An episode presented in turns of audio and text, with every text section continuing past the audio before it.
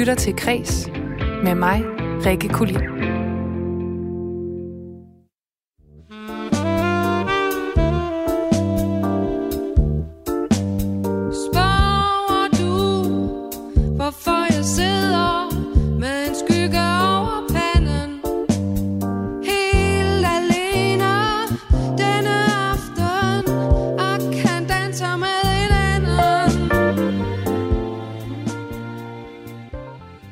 Polyamorøs og jaloux. Det er, hvad forfatter Cecilie Bøtger var.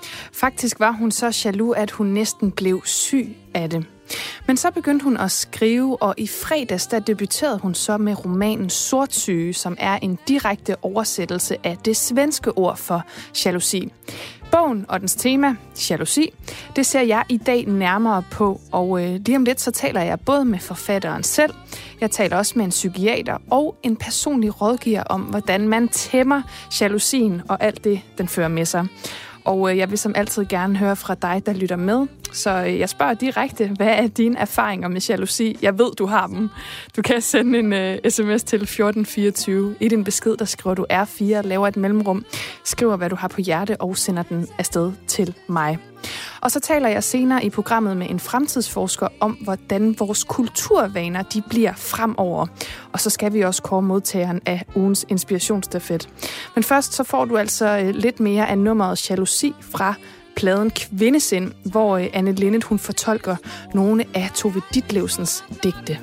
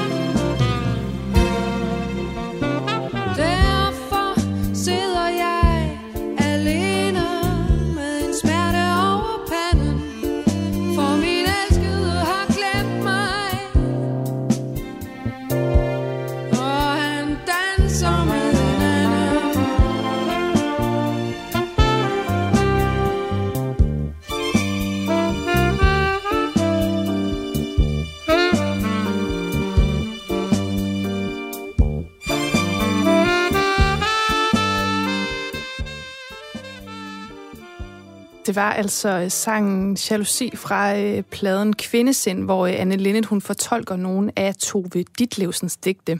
Og det er altså i anledning af bogen Sortsyge og temaet jalousi her øh, på Kreds i dag. Og øh, du kan altså også byde ind, hvis du har erfaringer med jalousi, og øh, hvordan du har taklet den i dit liv. Send en sms til 1424. I din besked, der skriver du R4, laver et mellemrum, skriver beskeden og sender den afsted til mig. Men Inden det skal handle om dagens tema om jalousi her i dagens kreds, så øh, får du selvfølgelig et overblik over de allervigtigste kulturnyheder. Madklubben eksklusiv kokkekursus i Italien. Nu er det sgu også, det handler om. ja, han skulle egentlig have været med, min mand. Men så... Jeg tror, vi skal have en, øh, en snak. Jeg har været vi i 44 år. Hustru, mor, farmor, det er den, jeg er. Jamen, du er da meget mere end det. Og ved du hvad? Du kan kun hævne dig ved at leve så længe og så godt som muligt. Kun en af de kommende 13 danske film, som kommer i biograf, biografdistribution, er instrueret af en kvinde. Det skriver Kulturmonitor i dag, efter at det Danske Filminstitut præsenterede et efterårsprogram, hvor komediedramaet Madklubben, som du hørte lidt øh, fra lige før, er instrueret af Barbara Topsø Runenborg. Og det var altså den eneste film blandt, som var instrueret af en kvinde. Og i alt blot fem af de alt 23 dansk producerede biograffilm, der kommer til at være her i 2020, de ender altså med at have en øh, kvindelig instruktør. Og i 2019, der var det tal også kun 6 ud af 23. Og Claus Ladegaard, som er administra- administrerende direktør for DFI, han peger på, at mange producenter er kvinder. Og han siger, ud af de 13 film, der er her i efteråret, er 10 produceret af kvinder. Det er måske noget af forklaringen på de manglende kvindelige instruktører, fordi vi ved, der er en rigtig fin dynamik mellem en mandlig instruktør og en kvindelig producent og omvendt. Men han kan berette om, at øh, 40 procent af filmene i udvikling hos DFE lige nu, de har kvindelige instruktører. Og det tal, det håber man altså kom, øh, kommer til at afspejle de film, der rent faktisk bliver produceret og sendt i biografen. Og hvis ikke, så har man i hvert fald tænkt sig at stille skarpt på problemet, og så koncentrere sig om, hvorfor det ikke ser anderledes ud.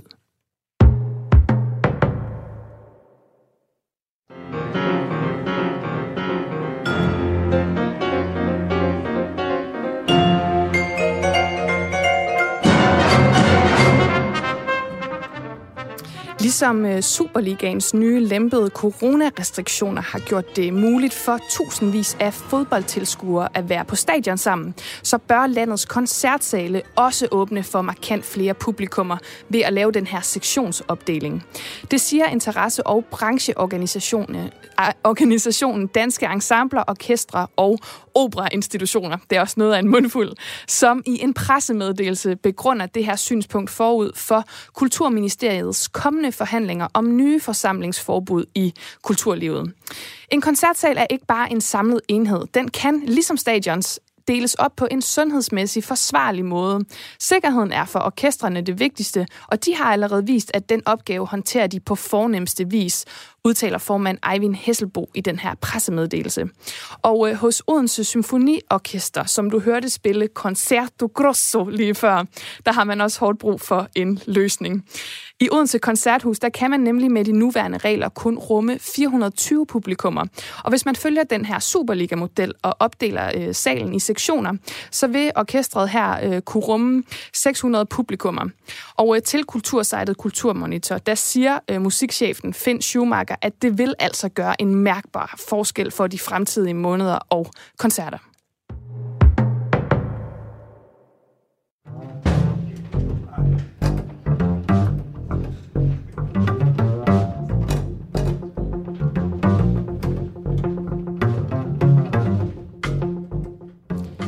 Det legendariske spillested Jazz House Montmartre i København har indstillet alle koncerter med henblik på at afvikle den her klub. Det skriver GAFA.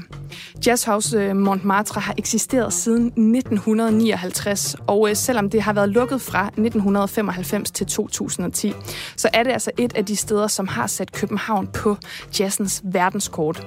Og den administrerende direktør Jonas Dyrved, han udtaler i en pressemeddelelse, at det ikke er muligt at drive huset med de indtægter, man har fra kun 35 billetter mod normalt 85 pladser til en koncert. Det netop indgået for lig, det kom for sent til, at staten kunne træde til, og øh, den hjælp, der har været i hjælpepakkerne, var altså heller ikke nok. Beslutningen den træder i kraft med øjeblikkelig virkning, og øh, dermed så har Jazz House Montmartre altså afholdt sin sidste koncert. Det skete i lørdags den øh, 29. august, og øh, man har altså opsagt øh, diverse medarbejdere, som er i Jazz House Montmartre. Men jeg er da ligeglad, jeg er da ligeglad det er sådan, jeg kommer bedst igennem det her nu Ja, jeg er da ligeglad, ligeglad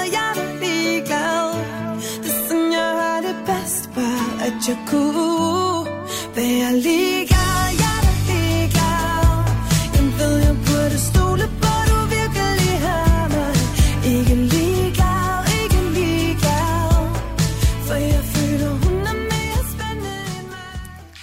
Det er bestemt ikke nemt at være ligeglad, selvom ens rationale måske siger, at man altså bør være det. Slet ikke, hvis ens kæreste giver andre mere opmærksomhed end ens selv, og man faktisk synes, det giver mening, fordi den anden umiddelbart synes, øh, man er mere spændende end en selv, som Medina hun synger her på nummeret Jalousi. Og øh, jalousi, det er altså dagens øh, omdrejningspunkt i dag, og jeg vil stadig gerne høre fra dig, hvis du lytter med derude. Hvad er dine erfaringer med jalousi? For jeg ved, du har dem. Vi har dem alle sammen. Du kan sende en sms til 1424. I din besked, der skriver du R4 først, laver et mellemrum, skriver, hvad du har på hjerte, og så sender du den afsted til mig. Og det her med jalousi, det er noget, du kender til, Cecilie Bøtger. Velkommen til Kreds. Mange tak skal du have. Altså faktisk, så kender du det jo så godt, at du har skrevet den her roman øh, Sortsyge, som udkom i øh, sidste uge. Og øh, den handler jo blandt andet om at blive jaloux. Og øh, altså, jeg synes personligt, det er et ret interessant emne, fordi jeg tror, som jeg vist også fik nævnt før, at de fleste kender til følelsen af jalousi. Og derfor så dykker vi altså ned i den her i kreds. Og til lytteren, så kan man sige, at øh, romanen den er jo stærkt inspireret af dine egne oplevelser med jalousi. Og øh, din hovedperson Freja i din roman, hun kaster sig altså ud i, øh, i den her følelse gennem et forhold. Og øh, det har du også selv gjort, da du kastede dig ud i et polyamorøst forhold. Så jeg kunne godt tænke mig at starte med at spørge, hvorfor det var vigtigt at skrive den her roman, og måske talsætte den her følelse, som øh, ja, langt de fleste jo nok egentlig skammer sig over i det her samfund. Ja, øh, jeg tror generelt, det er helt vildt vigtigt for mig, at altså, jeg synes, det er så spændende, alle de her ting, vi går og skammer os over, de ting, vi fortiger. Det er helt vildt spændende at begynde at tage dem frem i lyset og tale om dem. Øh, både sådan personligt øh, og samfundsmæssigt også. Fordi når vi alle sammen går og har nogle følelser, som vi undertrykker, det tror jeg bare sådan kan... Altså, det, det skaber bare alle mulige problemer i os. Øh, og det gør det meget sværere at snakke om, når vi har nogle bestemte følelser, som vi bare sådan kategoriserer som pinlige følelser, eller dårlige følelser, eller forkerte følelser, og vi slet ikke må have dem. Hvad tænker du om det her med, at, øh, at vi kategoriserer nogle følelser som dårlige følelser, og andre som sådan rigtige følelser? Altså, fordi hvis vi netop alle sammen er enige om, at vi er jaloux, hvordan kan det så være, at det er noget, vi bliver ved med at skamme os over, at vi faktisk er? Det er et godt spørgsmål. Øh, jeg ved ikke helt, hvorfor lige den følelse er blevet dømt som så pinagtig. Men jeg tror måske også, der er en masse ting i jalousi. Altså, de ting, der bringer op i mig i jalousi, det er meget sådan noget med, åh nej, hende der har noget, som jeg gerne vil have. Eller, åh nej, jeg er ikke lige så god som hende der. Eller, altså, det er meget sådan, det peger straks ned i nogle følelser af usikkerhed, eller frygt, eller svigt, eller svaghed, eller skam, eller vrede. Og, altså, der, det er jo sådan en sammensat følelse, jalousi, ikke? Men det er ofte mange af de her ting, som man ikke altid er så stolt af at stå ved, man føler. Og øh, altså man, vores hovedperson her, eller din hovedperson i bogen, Freja, hun blev faktisk så jaloux, at hun næsten bliver syg af det og taber sig rigtig mange kilo og siger, at hun har ikke set sådan ud, siden hun var øh, teenager. Øh, og hun stopper i at spise, øh, stopper med at spise, med at se sine venner og med at fotografere. Øh, og det er jo, der er jo nok nogle paralleller til dit eget liv, så har du lyst til at fortælle om, hvordan jalousien den påvirkede dig og dit liv på det her tidspunkt? Ja, Øhm, altså, den her relation, jeg gik ind i, det var også et polyamorøst forhold. Det vil sige, at der er en eller anden forståelse af, at man gerne må være sammen med andre end sin kæreste. Øh, og det var blandt andet ret nyt for mig. Øh, så det på en eller anden måde var der også en masse nye øh, forståelser og relationer, jeg skulle begynde at aflære og lære på ny. Øh, øh, og nu tabte jeg lige tråden. Det, det var mere, hvordan jalousien påvirkede dig på det her tidspunkt. Ja. Øhm, jeg tror, øh, men i og med at være polyamorøs, så kan jeg også godt huske, at jeg straks tænkte, vent, jeg er polyamorøs nu. Hvis jeg er en god polyamorøs person, så er jeg også en super person, som ikke føler jalousi overhovedet. Eller sådan, jeg skabte også en masse idealer omkring at være polyamorøs, og hvordan jeg burde føle, og hvad jeg ikke burde føle. Og det her med, at jeg så blev jaloux, Øhm, der, øh, jeg blev helt vildt, jeg blev meget hård mod mig selv med det samme, når jeg blev jaloux. Og med det samme var jeg sådan, det må jeg ikke føle. Jeg burde føle noget andet. Det er forkert, at jeg føler det. Nu er jeg polyamorøs, så jeg burde slet ikke føle jalousi overhovedet. Øhm, så min første sådan, det første, jeg gjorde, var at forsøge at lade som om den ikke var der, eller at forsøge at undertrykke den, eller at forsøge at dømme mig selv for det. Og jeg tror bare i sig selv, at behandle sine følelser på den måde, skaber rigtig mange problemer for en selv. Altså når man ikke møder dem så med, med omsorg eller forståelse, eller prøver at finde ud af, hvad det egentlig er, den peger på. Så, øhm, hvilket jeg tror egentlig er så, at man burde møde sine følelser. Øhm, men ja, jeg, det gjorde jeg ikke. jeg var bare overvældet af det. Ja. Og øh, begyndte så småt at få det rigtig dårligt, hvilket jeg også tror sker, når man undertrykker sine følelser. Så kan det komme ud som alle mulige... Øh, øh, sådan stresssymptomer og angstsymptomer og alt muligt. Gav du så dig selv på noget tidspunkt lov til at overgive dig til den her følelse? Øhm, jeg tror lige, jeg skal forstå, hvad du mener med at overgive sig til den. Altså acceptere, at den var der? Øhm, ja. Øhm, fordi du, du snakker meget om det her med sådan at undertrykke Altså det der med, sådan, ja. så må jeg ikke engang være det, fordi nu er jeg et polyamorøse, øh, polyamorøse relationer, og derfor ja. så skal jeg være en god polyamorøs, som har flere relationer og kan godt holde til ja. dem. Ja, altså det var så, jeg begyndte, altså jeg begyndte jo at undersøge følelsen helt vildt meget. Og det var også sådan, det gør min hovedperson også. Jeg tror hele bogen er en undersøgelse af, hvorfor føler jeg det her? Hvad er det, det grunder i? Øhm, så selvfølgelig var der også, altså, der var straks en forståelse af, okay, jeg er jaloux, hvad betyder det så, og hvor kommer den fra? Så det er også, ja, det, det blev jeg bare nødt til at undersøge. Og øh, hovedpersonen Freja, hun undersøger, sig jo, eller undersøger jo også på en måde den her følelse, fordi hun tager kontakt til nogle af de her piger, som hendes øh, kæreste ser sådan ved siden af deres forhold. Og en af de kvinder, det er Fanny. Og øh, du står jo med bogen foran dig. Vil du ikke øh, læse højt, hvordan du beskriver den første gang, Freja står ansigt til ansigt med Fanny her? Jo, det vil jeg meget gerne. Pludselig er hun foran mig, det første, jeg ser, er de store, frostblå øjne indrammet, indrammet af lange med skarpe lagte vipper. De er spærret helt op. Hendes læber danner et O. I et par sekunder står hun fastfrosset sådan. Det eneste, der bevæger sig, er hendes øjne, det mest dominerende i hendes ansigt. De scanner, som om hun vil tage alt ind på én gang. Jeg prøver at forestille mig, hvad hun tænker. Har hun siden september fantaseret om farven på mine øjne, længden på mit hår, hvordan min stemme lyder, så hun kunne nedskrive alle detaljer om mig. Læst historier op om karakterer med mit navn på det skrivekursus, hun går på. Kigget efter mig i Øresundstoget, let efter mig i Malmøs gader. Hun står så tæt på, at jeg kan se alle detaljer i hendes ansigt. Fregner, skønhedspletter, små hvide, næsten gennemsigtige dun på overlæben. Hvem er den smukkeste? Et ønske manifesterer sig i mig, mens jeg kigger ind i hendes vidt åbne øjne. Jeg vil gerne have, at hun selv synes, at hun er smukkest, den fineste i hendes eget sind, og jeg er den fineste i mit. Ingen konkurrence. Ingen, der er bedre end den anden. Knuden i min mave løsner sig. Jeg smiler. Hej Fanny. Det var altså et, øh, et, en passage her i bogen, hvor vores hovedperson møder Fanny, som er en af de øh, piger, som hendes kæreste også ser øh, ved siden af deres forhold. Og øh, i den her roman, der er den her jalousi, som lever og ligesom udvikler sig, det gør den kun mellem kvinder. Øh, og du var jo lidt inde på det før, det her med at være sådan den bedste eller den smukkeste. Hvordan kan det være, at det kun er øh, kvinder imellem, at den foregår? I hvert fald i bogen. Øhm, ja, altså i bogen, så er det også ret interessant, fordi at August, øh, karakteren, som øh, min hovedperson går ind i et forhold med, han øh, giver rigtig mange komplimenter hele tiden. Han siger hele tiden, at ej, du er bare den smukkeste og den lækreste. Øh, og det på en eller anden måde øh, gør også, at min hovedperson Freja føler, at det bliver meget vigtigt at være det, fordi det er det, hun bliver ved med at blive komplimenteret for. Og på en eller anden måde, så går hun også ind i en konkurrence med de andre kvinder om sådan, vent, han siger, jeg er smukkest og lækrest, men han ser også de andre, eller sådan, er der, ja, hvis jeg, altså, så bliver det sådan en konkurrenceting lige pludselig.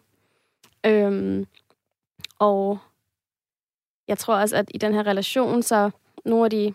Hmm, øh, hmm, jeg tror, jeg vil sige noget andet. Jeg tror også helt generelt, at i samfundet har vi indlært nogle strukturer omkring, at kvinder øh, sammenligner sig rigtig meget med hinanden øh, i stedet for at være sådan solidariske med hinanden. Og det tror jeg blandt andet bunder i, at vi lever i et patriarkalsk samfund, øh, og i forhold til blandt andet succes, så er der på en eller anden måde, eller har der været, og måske stadig, er der alligevel lidt begrænsede pladser for kvinder. Så jeg tror egentlig, at der er en eller anden sådan øh, indgroet idé om, at, at vi bliver nødt til at tage den anden kvinde ned for at få succes, for eksempel. Men det kan også godt være i forhold til det mandlige blik, Altså sådan, det der med, at August kigger på dem alle sammen og vurderer deres uh, fuckability og deres uh, desirability, det skaber også en konkurrence om at være bedst for det mandlige blik, og det på en eller anden måde kommer til at være vigtigere end alt muligt andet. Øhm, altså, ja, der kommer jo vildt mange spørgsmål ud af det her, fordi jeg kan også mærke det selv sådan øh, køre rundt i hovedet. Jeg er lidt nysgerrig på, fordi du startede med at beskrive, hvordan det var at have, øhm, eller føle jalousi dengang, og nu har du så skrevet bogen, og jeg tænker også, at, øh, at man derigennem sådan ligesom kommer til at stå sådan ansigt til ansigt med sine egne følelser. Altså, hvad har du sådan selv lært i forhold til dine egne følelser og din for, egen jalousi, øh, nu her, hvor du har skrevet bogen og arbejdet med emnet? Ja, jeg er heldigvis blevet klogere. øh, ja, fordi da jeg var midt i det, så var det godt nok bare meget overvældende og forvirrende. Og det var virkelig sådan urgent at finde ud af, hvad det her handlede om. Øh, men det har jeg så også virkelig brugt meget energi på at finde ud af. Øh, og her på den anden side, så øh, har jeg en forståelse af, at jalousi, ligesom så mange andre følelser, bare prøver at fortælle en noget. Så i stedet for at undertrykke den, så er det en god idé at begynde at pakke den ud og se, hvad den handler om. Og det kan eventuelt pege på, at der er nogle usikkerheder i ens selv, noget med ens eget selvværd. Øh, I bogen så er det blandt andet, at Freja sammenligner sig. Hun tænker helt vildt meget på det sex, afgår sammen med andre. Og det kunne jo være, at det pegede på, at hun i virkeligheden havde nogle usikkerheder omkring sex, øh, eller sådan i sin egen seksualitet, eller hvordan hun har sex, eller hvordan hun godt kunne tænke sig at have sex, øh, som hun egentlig sådan skal arbejde på. Så det er sådan den ene ting, der er sådan, okay, det kan pege på noget i mig, der, skal, der gør ondt, noget, der skal helbredes, noget, der skal have opmærksomhed. Men det kan også godt pege ud af, sådan, altså jalousi kan også godt være et tegn på, at man er i virkeligheden er utryg, eller der er manglende tillid i den relation, man er i. Fordi det, altså, eller noget egentlig går over ens grænser, det, eller man i virkeligheden bliver svigtet. Så det kan også godt være et tegn på, at man er utryg i en relation, hvis der er meget jalousi. Øhm. Så den er ikke nødvendigvis noget negativt, den kan rent faktisk også fortælle en om, hvordan man har det på en måde. Altså. Jamen, det er sjovt, fordi at, altså, igennem min bog, så er jalousi helt sikkert monsteret i Frejas liv. Øh, men sådan jeg forstår jalousi nu, så ser jeg det ikke som noget dårligt. Jeg ser egentlig ikke nogen følelser som noget dårligt. Og jeg synes, det er faktisk ret en helt vildt vigtig forståelse, at vi ikke ser følelser som noget dårligt, eller vi dømmer det for at være godt eller rigtigt. Fordi det er bare følelser, og de er alle sammen valide, og vi skal bare prøve at forstå, hvad det er, de vi fortæller os, og hvilke behov det egentlig peger på. For det er egentlig bare det, følelser gør. Og senere i programmet kan jeg også lige sige, der taler jeg med en læge om, hvad der rent faktisk sker med kroppen, når jalousi udvikles, mm. og hvorfor nogen så er, er disponeret mere jaloux end andre. Jeg vil sige tak til dig, Cecilie Bøtger, for, øh, for, skulle til at sige, for at forfatte, men også tak for det, for at forfatte bogen Sort Syge, oh, tak. øh, som jeg har læst og er rigtig, rigtig glad for. Og selvfølgelig tak, fordi du var med. Ja, selv tak. Og om lidt, så, øh, skal, eller senere i programmet, taler jeg altså med en læge, og så får du faktisk også en håndfuld råd til, hvordan du kan håndtere jalousi, hvis du er en af de mennesker, som kæmper med det. Du lytter til Kres med mig, Rikke Kulin.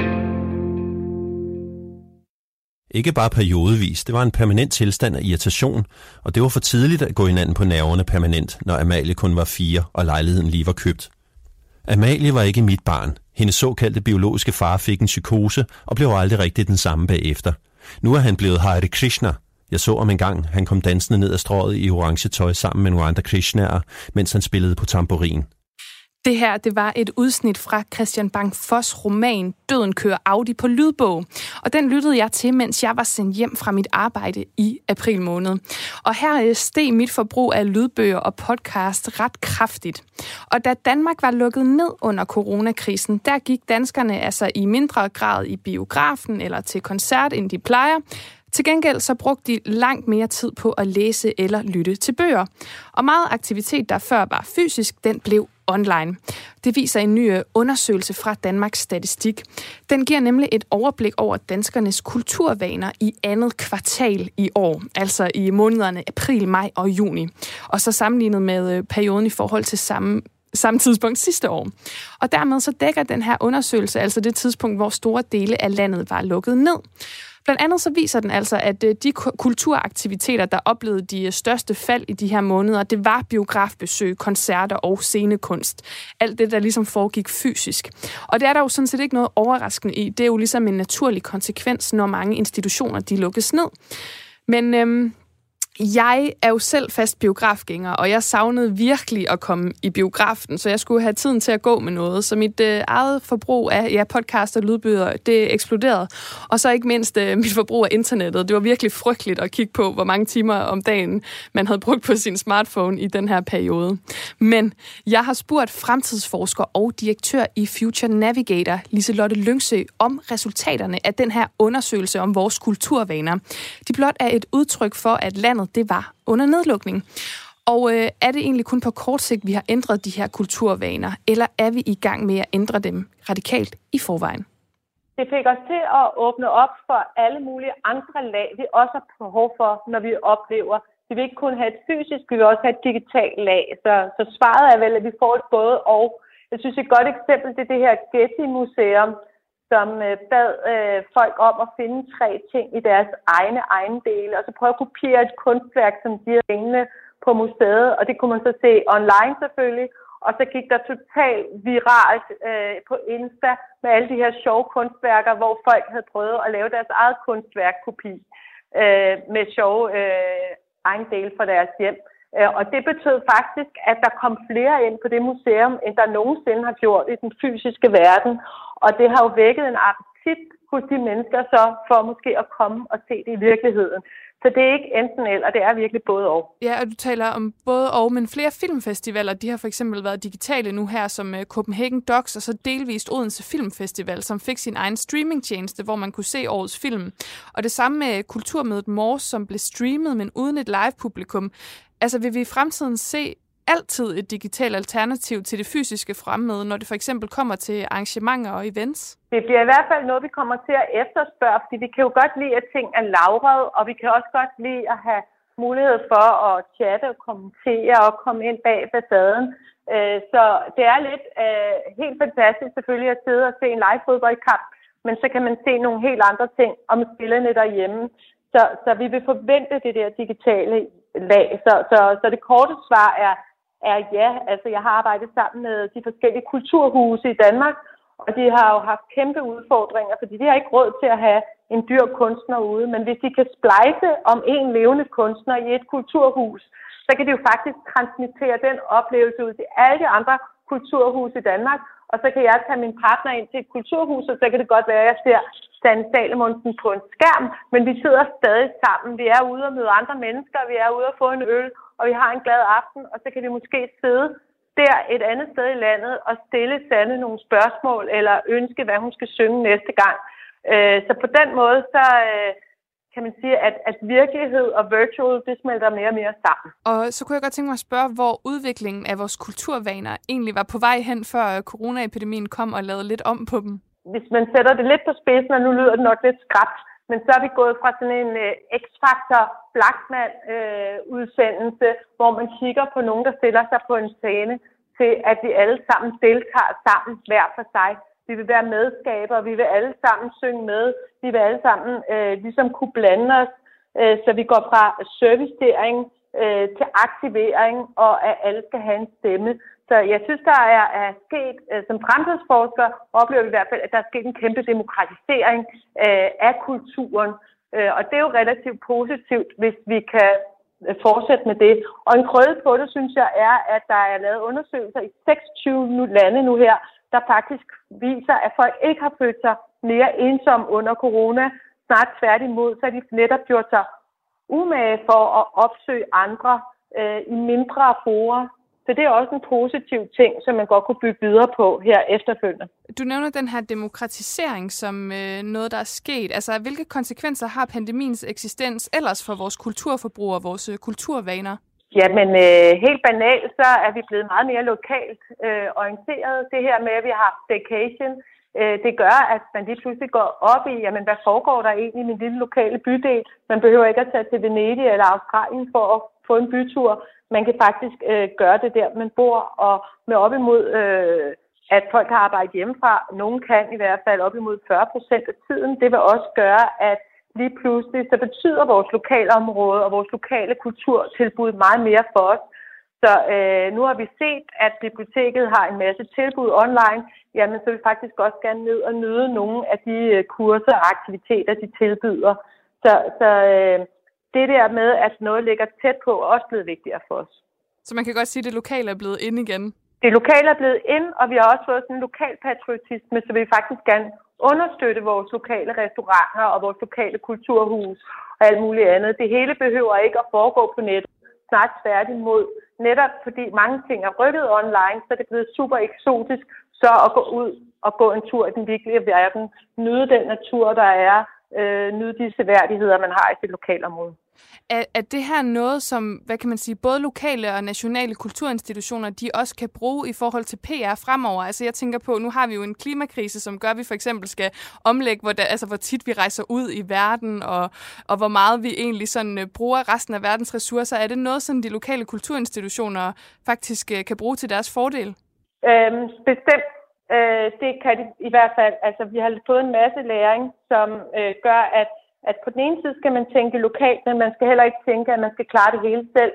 Så man skal både tænke øh, globalt og øh, nationalt samtidig, ligesom de her kulturhuse, der både skal agere lokalt, men de skal også tænke, at de er en del af et større netværk.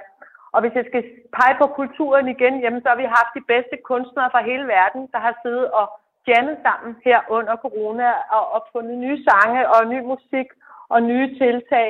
Så jeg tror, vi får sådan en, en, en opblomstring her i takt med, at kulturen vender tilbage. Den vender ikke tilbage til før corona. Der kommer ligesom noget andet spændende på banen.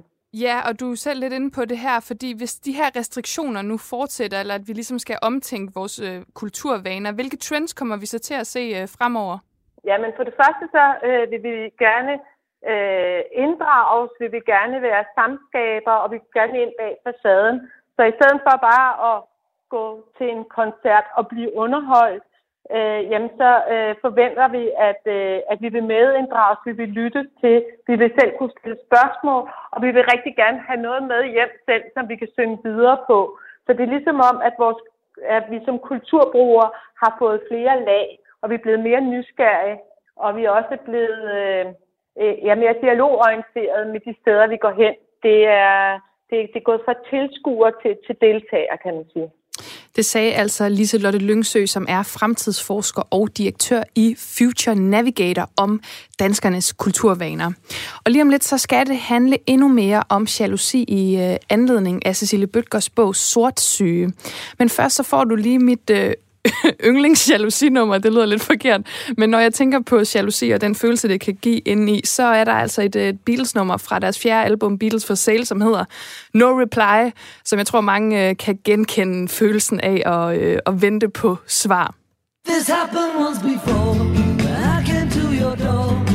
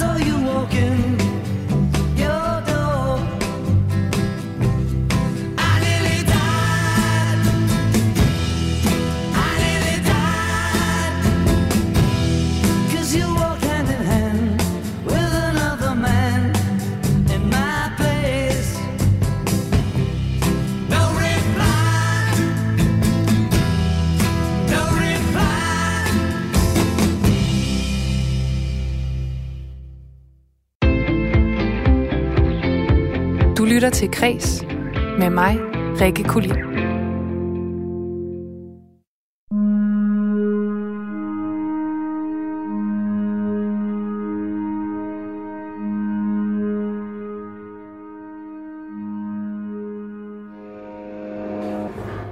Mit bryst fyldes op af sort, når jeg ved, han har brugt en aften med en anden end mig.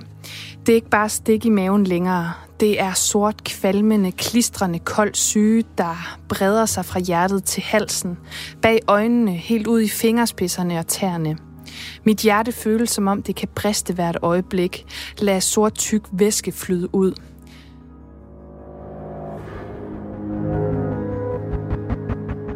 Ja, man plejer at sige, at øh, jalousien er grøn, men i Cecilie Bøtgers nye roman Sortsyge, som passagen, jeg lige læst op af, øh, stammer fra, så er den altså sort som tjære. Og i dag der dykker jeg med afsæt i den her roman ned i jalousiens væsen. For jalousi er modsat misundelse, ikke en konstruktiv følelse. Og det øh, har Birgit Pettersson, som er speciallæge i psykiatri og kvinde- og kønsforsker, forklaret til mig. I virkeligheden så skulle alle vide, at der er den forskel på misundelse og jalousi, fordi misundelse, det er en meget, meget vigtig følelse i forhold til, at man udvikler sig. Det er, at man føler, at andre har noget, som man ikke selv har, og så får man en, en følelse i virkeligheden af had til den anden, fordi den anden har noget.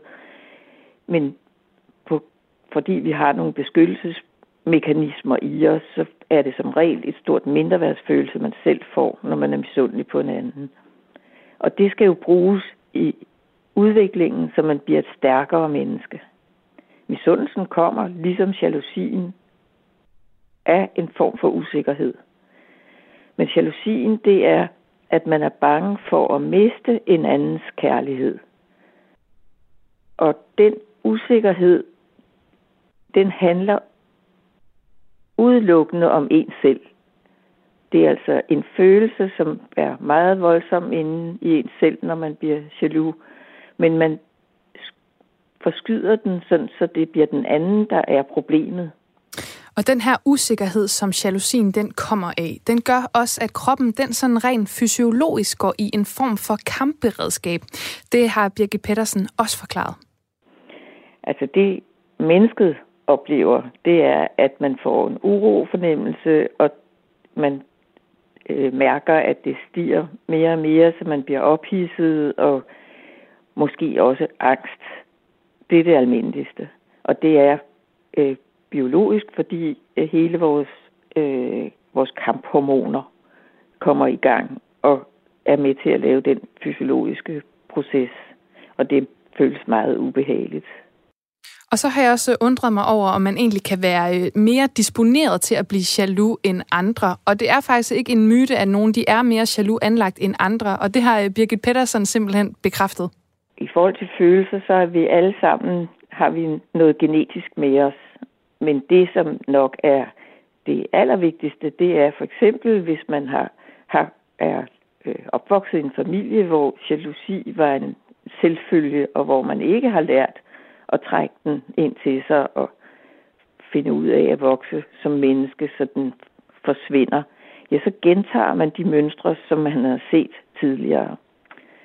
Og det er sådan set lidt vigtigt at, at holde fast ved, fordi der har været en tendens i samfundet til at sige, at jalousi, at det var en virkelig, virkelig god følelse. Øh, fordi at så viste man rigtigt, at man elskede det andet menneske. Men realiteterne har altså været nogle andre, og det har man fundet ud af, og man kan komme ud af den ved at tage den tilbage til sig selv og arbejde med det. Og det, det at den har været dyrket i samfundet som et eksempel på den store kærlighed, har nok været, at mennesker i perioder ikke har haft modet til at arbejde med sig selv og komme ud af jalousien. Og hvordan man kan arbejde med sin jalousi, hvis man nu er en af dem, som er særligt disponeret for det, eller måske bare er blevet ramt af følelsen for nylig og kæmper med den lige nu. Det ved du meget mere om. Nu kan jeg byde velkommen til dig, Daisy Løvendal. Du er forfatter, personlig rådgiver og parterapeut. Tak. Lad os kaste os ud i det. Lad os altså, gøre det. lad os gøre det. Altså allerførst, øh, man kan sige, at øh, Birgitte Pettersen her er lidt inde på det her, men hvordan ved man, at det er jalousi, man tumler med? Altså, hvordan kan man identificere den her følelse? Altså, man kan jo for eksempel lytte til den der Beatles-sang, du lige stillede. altså, jeg tror i virkeligheden, at man meget sjældent er, er i tvivl om det. Men i modsætning til, til nogle af de følelser, eller nogle af de oplevelser, vi har begreber for, som for eksempel depression eller angst, så kan du ikke gå til lægen og udfylde et spørgeskema og ligesom få diagnosen. Og det synes jeg bestemt heller ikke, vi skal have. For jalousi er jo en følelse, der hører til livet, ligesom sorg og angst og frygt. Det er en del af det at være menneske. Og jeg tror faktisk ikke, der er nogen af os, der helt ærligt kan sige, at vi aldrig nogensinde har prøvet at drikke drikke et bager af, af den sorte syge i en eller anden omfang, ikke? nej, nej. Men, men øh, jeg står bare og tænker på alle de gange, jeg har været jaloux nu her. Men hvis man nu genkender det i sig selv, altså hvad, kan man, øh, hvad skal man så gøre?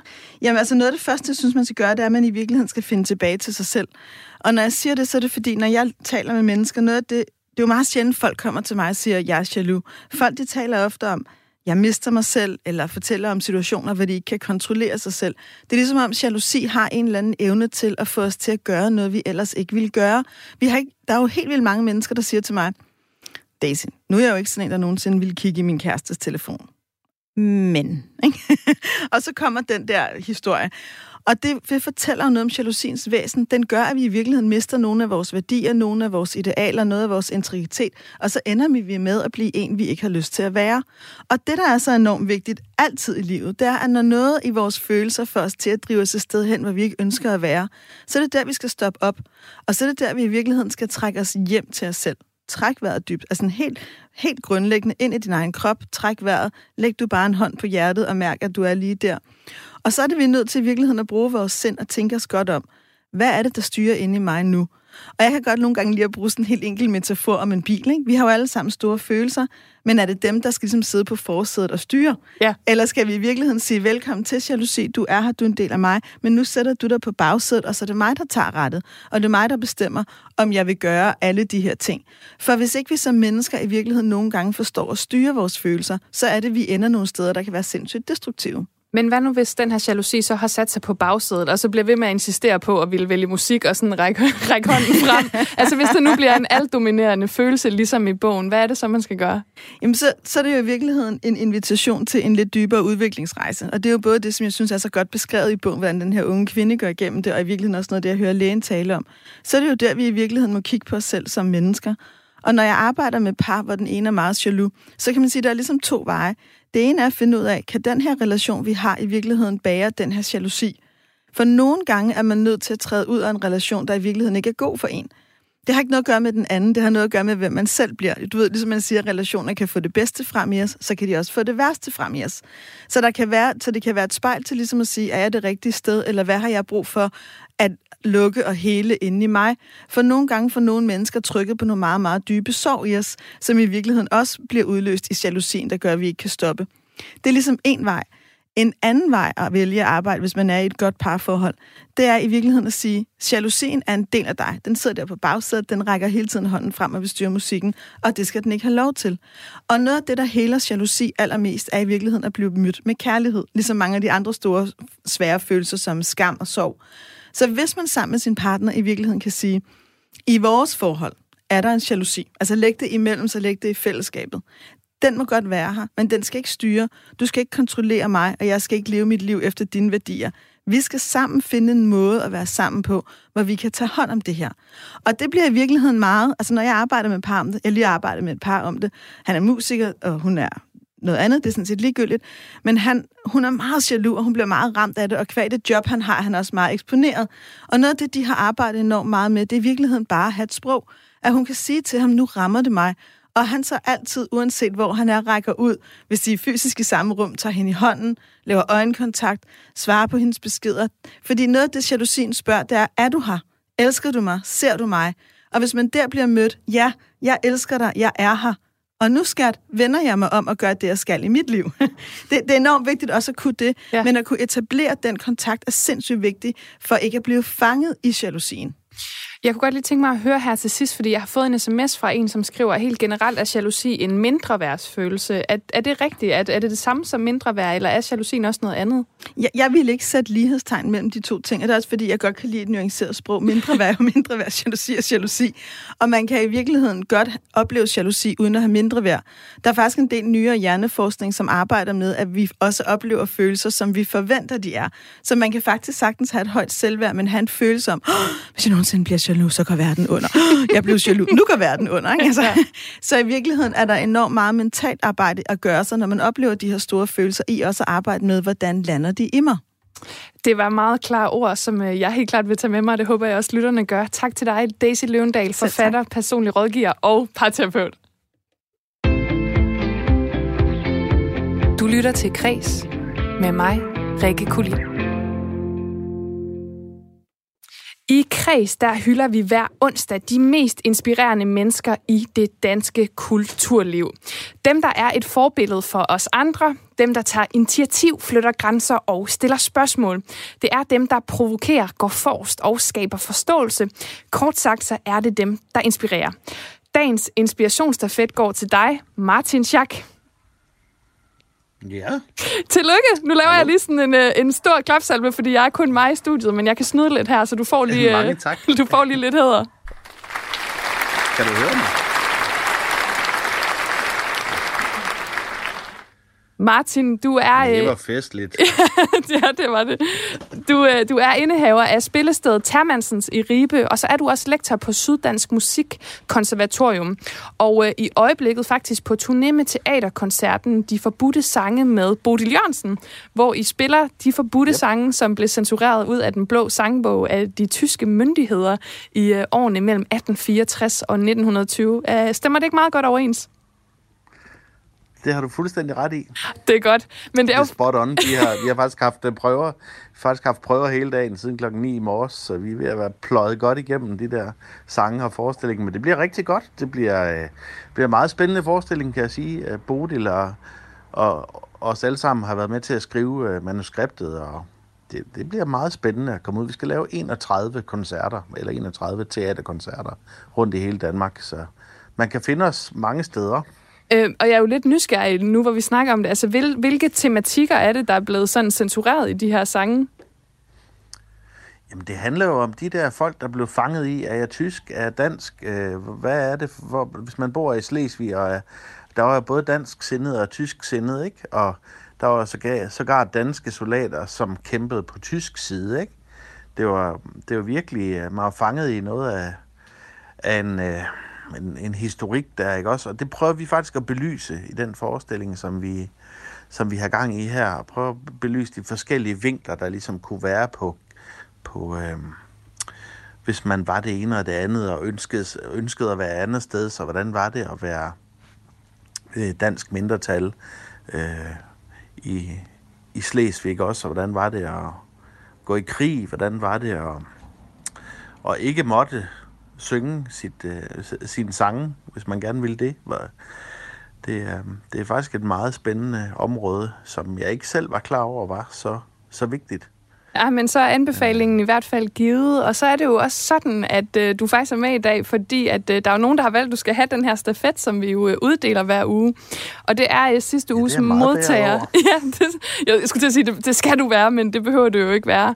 Men øh, det er sidste uges modtager, Kasper Mikkelsen, som har valgt dig. Og prøv lige at høre, hvad Kasper han gav som begrundelse en musiker og øh, orkesterleder, kunstner, der hedder Martin Schack, som også er meget aktiv som arrangør øh, af både festivaler og koncerter og øh, forskellige ungdoms jazzcamps og øh, har et spillested med til ilhu, iværksætter evne og hele tingen med at få folk med på idéerne og, og virkelig, virkelig brænde for sin sag. Øh, langt stykke hen ad vejen uennyttigt, men, men simpelthen bare for sagens skyld og få andre med på det, både som publikum og som legekammerater og medarrangører. Det synes jeg, han har en forbilledelig evne til, som jeg i den grad har været inspireret af i, i tidens løb. Ja, Martin Schack, hvad betyder de her ord for dig? Wow. Det er rimelig, det er da rimelig heavy, det der. Men altså, især fra en, som man har kendt. Nu har jeg haft æren af at kende Kasper gennem de sidste 20 år, både som, ja, i alle mulige sammenhænge, så altså, det er da meget bæret over. Men så kunne jeg godt tænke sige. mig at høre, hvor vigtigt det egentlig er for dig, og hvad kan man sige, inspirere andre med det arbejde, som du laver. Altså, det er jo ikke noget, som jeg sådan har tilstræbet øh, egentlig. Det der med at inspirere, fordi så store tanker kan jeg ikke finde ud af at gøre mig om mig selv. Men, men jeg, kan godt, jeg kan godt lide at, at gå forrest, hvis jeg har en idé om, at noget kan lade sig gøre til gavn for, for, for, for de, ma- eller de mange, altså mit spillested, det kan jeg jo ikke sige, det er de mange, der er plads til 50 mennesker, ikke også? Men, men til gavn for nogen, som kunne få en eller anden kulturoplevelse, en kulturel oplevelse, øh, elsker at lave kultur. Så jeg vil ikke sige, at det der med, ja, selvfølgelig er det da fedt, hvis man kan inspirere andre. Altså det kan jeg jo, hvis, man kan, hvis jeg kan det gennem min musik, så er jeg helt vildt glad, fordi så, så er det ligesom mission complete. Men når det handler om sådan noget hands-on arbejde, så tror jeg mere, at jeg er, er lidt mere rugbrødsarbejder, end jeg sådan er stor tænker. Ja, men så kan jeg jo spørge, hvem du så selv egentlig har været øh, inspireret af gennem tiden. Jeg tænker, der må være nogen. Jamen, det har jeg tænkt meget over, det der, øh, efter at jeg jo fik at vide, at jeg måske ville blive stillet det spørgsmål af jer. For den er ligesom todel for mig. Den er, den er, jeg, jeg er meget inspireret til at starte med, som, som ung musikspiger og konservatoruddannet. Der er jeg jo meget inspireret af de der musikere, som bare var så dygtige til at spille, ikke også?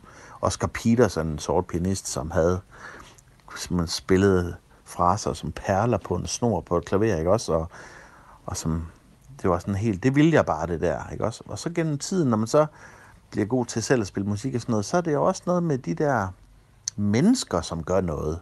Især måske for andre, og ovenikøbet kan finde ud af at opføre sig ordentligt, samtidig med, at de, at de gør nogle ting for andre. Ikke? Altså kulturelle iværksættere. Vi kunne tage sådan en som Helle Engelbrecht i Ansager, som har lavet et sted, der hedder Mariehaven. Ikke? Han har lavet et spilsted i en by med 800 mennesker med plads til 1200 publikummer. Ja, det er stærkt. Øh, hvor der er tre scener, han giver plads til alle genrer inden for musikken. Der er maleri, der er digterkunst, der er... Hans mor har malet billeder, der hænger ud over det hele. Det er så inspirerende et sted at komme, fordi der, der bare er, er liv og glade dage, ikke? Og, og øh, den person, som jeg også selv har nomineret, står faktisk for lige præcis noget af det samme. Ja, og nu er du jo lidt øh, inde på det, der skal ske lige om lidt, øh, fordi vi skal sende stafetten videre til næste uge. Men først, så er det jo sådan, at den her stafet, Martin Schack, den er jo ikke bare roser og ord. Du skal nemlig også bidrage til vores øh, evighedsinspirationsdigt. Og jeg læser lige de sidste strofer op fra det. Det lyder sådan her. Det er kreds for øjne, ører og sind, når vi deler kulturen med hinanden. For kunsten og kulturen kan inspirere og begejstre, når vi sammen vil gå nye veje. Som individer i sind, om end fælles i ånd, og kan sanse og skabe og lege. Det var sådan, det er indtil videre. Nu skal vi jo sætte lidt mere på, så jeg er jo ret spændt. Hvad, øh, hvad er dine linjer? Ja, altså jeg ved ikke, om det er så... Øh, om, om det er så så fint som det der, men øh, jeg har fundet en sætning, som jeg synes passer meget godt fra Platon. Ja, wow, det er lækkert. Vi skal have lidt Platon med i vores digt. Yes, øh, musik giver universet en sjæl. Den giver sindet vinger, fantasien flugt, alvoren charme, og den giver munterhed og liv til alt.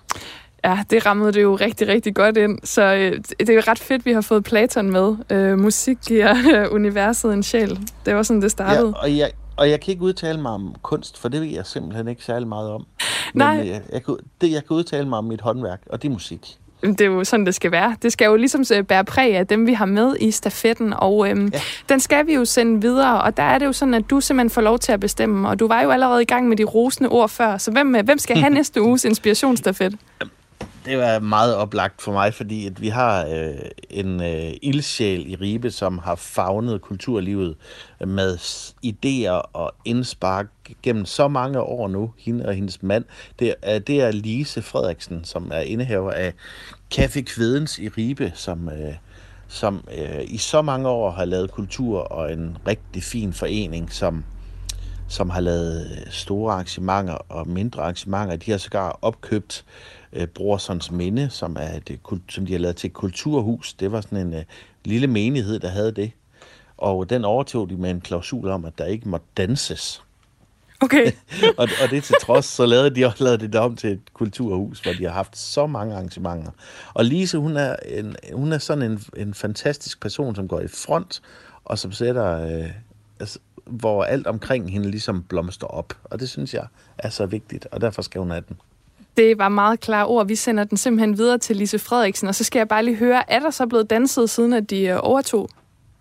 Det er der. I den grad kan jeg love dig for. Der er også blevet det, der er værre en danse, der er blevet... der er sågar måske en, en der er blevet serveret alkohol. Hvad ved jeg? Okay, okay, det men, var den vej, vi men, gik. Ja. det lyder godt. Jamen, jeg vil sige tusind tak til dig, Martin Schack. Vi sender uh, inspirationsstafetten videre til Lise Frederiksen, og uh, tillykke med denne uges inspirationsstafet til dig. Mange tak, fordi jeg måtte være med. Tusind Selv tak. tak. Ja, jeg er næsten øh, færdig for i dag med øh, dagens udgave af Kreds, som altså handlede om jalousi i anledning af Cecilie Bøtgers nye bog Sortsyge. Og øh, jeg er tilbage igen i morgen, og der skal det handle om noget lidt andet. Der skal vi nemlig fokusere på kunst i byen i anledning af Pippi Lotti Rests nye lysværk på Journalisthøjskolen i Aarhus. Og øh, det dykker vi lidt mere ned i, og jeg skal ikke kunne sige, om der kommer noget jalousi ind i det. Det tror jeg ikke umiddelbart, men øh, det er altså i morgen i, øh, i kreds. Om lidt her på Radio 4, så skal du lytte til Monarkiet med Tue Vinter, så bliv endelig hængende for at lytte til det. Og så vil jeg sige tak for nu. Nu er der nyheder, og øh, have en rigtig god aften derude.